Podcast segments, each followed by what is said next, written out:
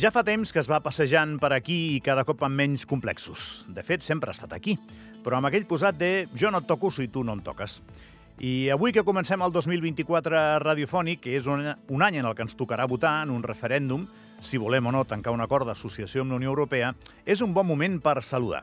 A aquesta hora del matí, que són les 8 i 12. Oli, extrema dreta. Oli, què tal? La gent té dret a ser de dretes, no, només faltaria. De fet, si aquest dret no existís, Andorra, el país tindria ben pocs problemes de població.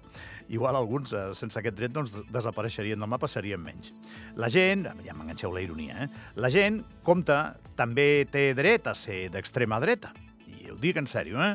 El tema és que aquest dret ha d'encaixar en les llibertats del nostre terreny de joc, que és la Constitució i les lleis que tenim. Per tant, ha de ser una extrema dreta legal, Eh, igual llavors això aniria en contradicció amb el tema d'extrema. Bé, tu pots ser d'extrema esquerra, d'extrema dreta, i saber quines normes hi ha i quines regles del joc tens per desenvolupar aquest, aquestes creences o aquestes conviccions.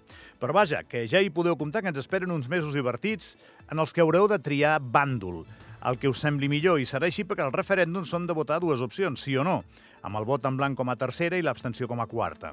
I hi haurà moltes maneres diferents d'apropar-se a aquest debat. Fins i tot podria ser, no ho descarteu, que Concòrdia us demani votar que no a l'acord i Concòrdia no és extrema dreta, ni extrema esquerra. No, no vaig eh, ex exactament per aquí, no vinculo només l'oli a l'extrema dreta amb, amb el referèndum, però m'ajuda. Vaig pel que ja, pels que ja us han començat a agitar el cervell relacionant notícies com la detenció d'un delinqüent amb la lliure circulació de persones per la Unió Europea. Assumpte que el cap govern ja ha explicat que no va per aquí, però em temo que encara, que ho digui, dos milions de cops, hi ha gent, dos milions de cops, hi ha gent que ho continuarà veient igual. I ja, ja està començant a passar això, eh?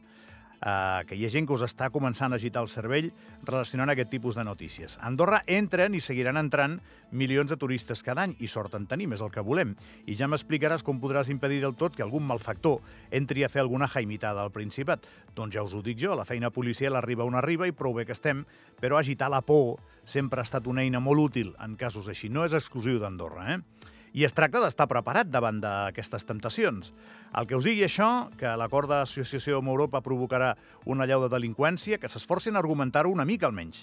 I un cop fet, ja podrem decidir si és algú simplement espantat pel canvi o, com em temo, l'extrema dreta que aprofita aquesta conjuntura per treure la mà a passejar.